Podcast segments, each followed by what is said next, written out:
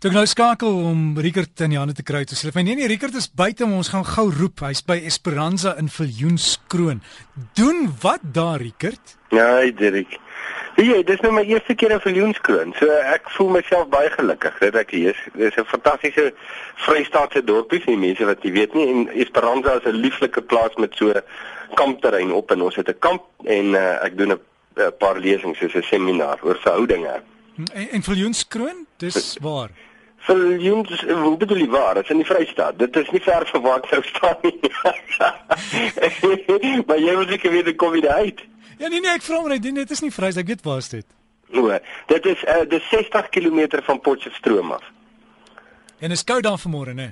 Nee, nog, weet jy, ek het gedink ons gaan koud kyk. Kyk, die Vrystaat is ons bekend daarvoor, maar is 'n uh, hy's op effens van 'n buiterigheidjie, maar is nog nie dis nog nie daai koud wat dit kan raak nie, jy weet. Is nog ons bly.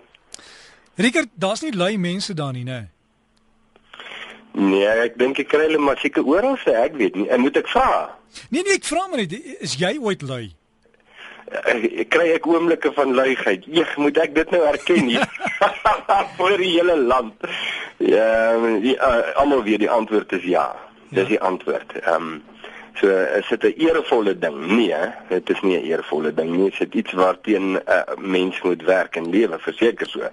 Dit uh, dit taan karakter en dit taan 'n lewenswyse.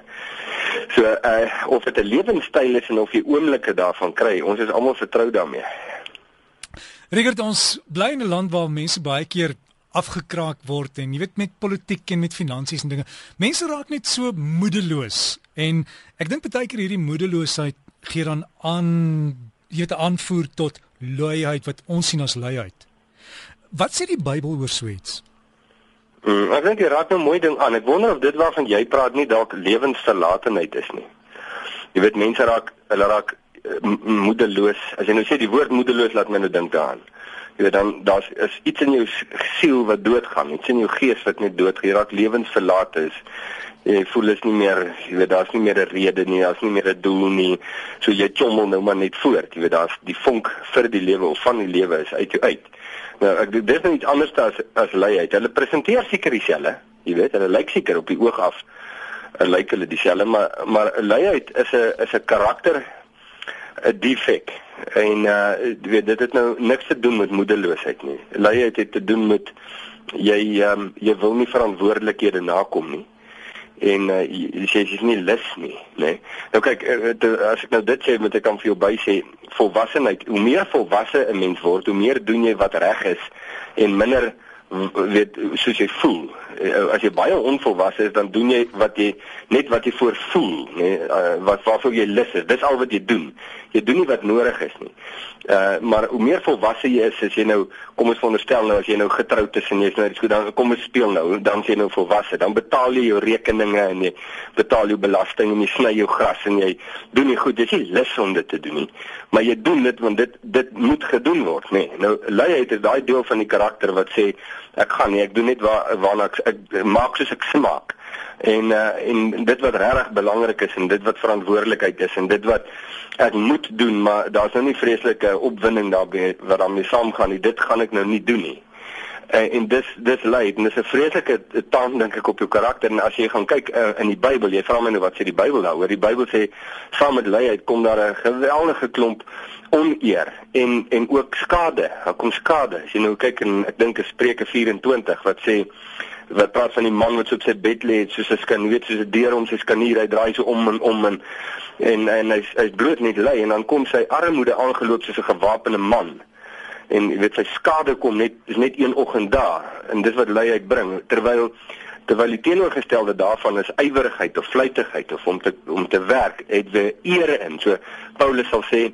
stel julle eer daarin om rustig te lewe en met julle eie hande te werk en met julle eie sake te bemoei daar's geweldige eer voor mense en voor God dan. So dit is 'n is 'n belangrike ding, hoor, maar is 'n dis 'n ernstige saak. So hoekom wil ons almal dan hemel toe gaan? Gaan ons nie heeltyd net daar kan lui wees nie, Rickert? nee. Nee. ja, wonder of mense wonder seker oor dit. Wat doen jy dan? Kyk, ons weet nou jy gaan nie op 'n wolk sit en harp speel nie. Nee, gelukkig darm. Jy weet, het ons nou daarmee klaar gespeel. Dis nie waar nie. Ek weet nie waar daai ou ideetjie vandaan gekom het nie, maar Maar uh, nee, ek dink die hemel is anders as wat ons dink. Ehm um, as wat ons dalk mag dink dit gaan wees. Maar maar God het die mens gemaak vir verantwoordelikheid. Hy het die mens gemaak om te werk, hy het die mens gemaak om goeders te doen met sy hande en dinge te bereik. Dink nie die hemel gaan enigiets anders te wees as dit nie. Riker dan 'n ander ding is gemaksig. Ons het nou vanmiddag die stommers teen die Kings in Kaapstad hier na 5 en later die Cheetahs en die Bulls in Bloem. Ehm um, daar's mos grappies wat mense maak, jy weet as as pa nou rugby kyk en hy soek 'n bier, uh, jy moet weet hy soek hom sê jy moet klaar daar staan met hom in die hand en hy moet klaar oopgemaak wees. Ja. Ja, gemaksigtigheid is is uh, jy weet uh, gemaksigtigheid is 'n vreeslike selfsugtige ding. Want gemaksigtigheid sê alles moet gaan soos ek dit wil hê. En dit maak nie saak, jy weet of dit uh, ongerief bring vir ander mense nie. Dit is irrelevant want wat vir hulle belangrik is tel nie. Al wat belangrik is uh, vir my, dit tel. Dit dit tel punte.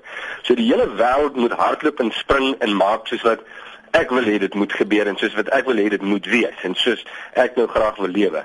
So uh, en en enige iets wat selfsugtigheid as 'n fondasie het, jy weet is, is siek tot in sy kern en daar kan niks goed daarvan kom nie. So jy weet as jy as jy dit toelaat in jou lewe. Nou jy weet mense wat nou al deur hierdie siklus is, weet nou presies. As jy hom nou toelaat, dan kan dit vreeslike verwoestende gevolge in jou lewe hê later in jou verhoudingslewe. Want jy sien jy kan nie 'n volwasse liefdevolle verhouding hê met 'n gemaksigtigheid in jou lewe nie, want dit werk verhoudinge werk nie uit selfsugtigheid uit nie. Dit is 'n gees situasie en nie 'n wat kan ek neem nie. En ek dink dis maar seker die ondertoon van gemaksigtigheid. Dis wat kan ek kry in plaas van jy weet wat kan ek bydra. So Rickert op die op die preeksel is daar ook baie keer miskien 'n mate van gemaksigtigheid as jy nie doen soos ek sê nie of miskien lui uit, jy weet mense wat wat nie hulle navorsing doen nie. Gaan jy net daar staan en preek sommer uit die kop uit Rickert? Het ek al so gepreek? Ja, ja, ek het al so gepreek. Ehm um, maar uh, ek ja, dit van my nou moeilike vraag en ek moet 'n mooi antwoord in die in die agtergrond van wat ons nou gesê het. Ehm um, kyk ek dit is geweldig belangrik om verantwoordelik met die woord om te gaan, né? Nee? Daar's 'n daar's 'n sterk ding om te sê. So dis al Paulus af vir Timoteus sê lê jou daarop toe om die woord van die waarheid reg te sny. So maak seker jy weet doen jou werk, doen jou navorsing of jou leeswerk of jou studeerwerk, verstaan wat God sê in die skrif. Moenie net klakkeloos met die woord omgaan. En ek dink as jy in daai opsig dan 'n lei is, want jy wil nie dit doen nie, dan gaan 'n geweldige skewe goed gebeur in daai bediening wat jy dan gee, want jy gaan sê God sê goed wat hy glad nie sê nie. So daai is 'n kosbare ding, jy weet. Ehm um, maar nou sien ek ook by uh, ervare veterane, jy weet as hulle jare lank so lewe met die Here, dan dan lewe die woord later binne in hulle. En uh, snaaks genoeg hulle hulle is asof asof hulle nie meer so nodig het om soveel ure en ure ehm um, navorsing te doen oor 'n bepaalde ding nie want die woord is al so in hulle in. Nee, jy kan sien dit kom nou baie meer makliker en natuurlik want dit het hulle karakter al gevorm. So dit speel ook 'n belangrike rol, maar jy kan nie wegkom daarvan Derek dat um, in enige vlak enige werk maak nie saak, bediening, sekulêr uh luiheid uh is 'n is 'n taal op jou karakter en is 'n skande en daar kan niks goed daaruit voorkom nie. Gemaksigtigheid gebore uit selfsug is 'n vieslike sieklike ding en dit breek verhoudinge en dit jy weet dit bring geweldige wonde en as jy daarin vasgevang is dan moet jy bitter vinnig daar uitkom. Jy het verlossing daarvan nodig. Ek het net hier 'n SMS sien kom van Johan en wil hy sê 'n lui mens is iemand wat gaan rus voor hy moeg word. jy sien maar nou wil ek vir Johan net 'n ding sê en nou hy dit noem is jy jy moet nou daar's 'n jy sien die Engelse spreekwoord wat my te koslik is dit sê going from the ditch on the one side of the road to a ditch on the other side of the road. Jy weet jou die die teenoorgestelde van luiheid is nie 'n werkolisme nie. Nee nou weet ek Johan sê nou nie dit nie maar dit dit val my nou sommer net by en jy kry werk of 'n uh, workaholic soos hulle nou in Engels sal sê en dit uh, dit is nou weer 'n siekte heeltemal op sy eie nê waaroor ons miskien op 'n ander dag kan gesels maar dit definitief nie teenoorstelle van van 'n uh, luiheid nie. God het 'n uh, standaard hy weet in 'n balans en dis die moeite werd om uit te vind wat dit is. Het en ek is seker ek en enige onderwyser vra huiswerk gee aanleiding tot leuns? Ja wat jy huiswerk? Jy hond het dit opgevreet Ja, ek ek dink jy kan jy kan 'n boek skryf daaroor, né, Rickert? Sê jy moenie huiswerk gee nie want dan eh, lieg die kinders nie. Klink vir my se filosofie. Ja. ja. Rickert, jou pleister vandag. Uh kom ons ons sê wie jy Miskien nou nie iets op die onderwerp nie, maar sommer net iets van jy weet van karakter wat my tref en dit is die toppunt van volwassenheid. Ehm um, en van liefde en gesonde karakter is God self. En dit tref my, jy weet as ons 'n onderwerp soos hierdie doen, dan besef ek maar uh, dit is hoekom God ehm um, my wil verander om soos hy te lyk. Want dis waar liefde lê. Jy weet daar lê soveel genesing en eer en heerlikheid in 'n volwasse en liefdevolle en stabiele en bestendige karakter. En dis wie God is.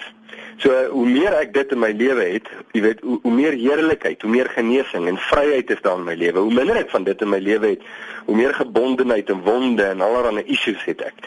So dis nogals vir my mooi vir my persoonlik nou vandag 'n pleister, weet om te besef maar dit gaan nie oor godsdienst nie, dit gaan oor God. En dit gaan oor sy karakter en hy wil my verander om soos hy te lyk. En ek moet hom net toelaat. Jy sien, dis die probleem. En uh, dis nogals vir my baie kosbaar.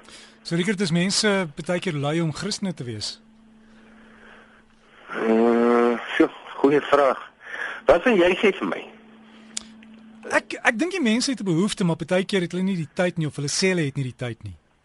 En dan maar dan bedoel hulle nou wat? Hulle bedoel nou bepaalde aktiwiteite of goed, nê? Nee? Ja, ek sal uitstel ek sal dit môre doen. Ja. Ja, kyk, um, as jy ek dink mense moet net verstaan dat uh, Christen wees, die kern van Christen wees, het eers te doen met verhouding en uh, en daar is bepaalde verantwoordelikhede wat saam met 'n verhouding gaan. Dit gaan oor verhouding en nie oor 'n lys doen goeders nie in die eerste plek nie.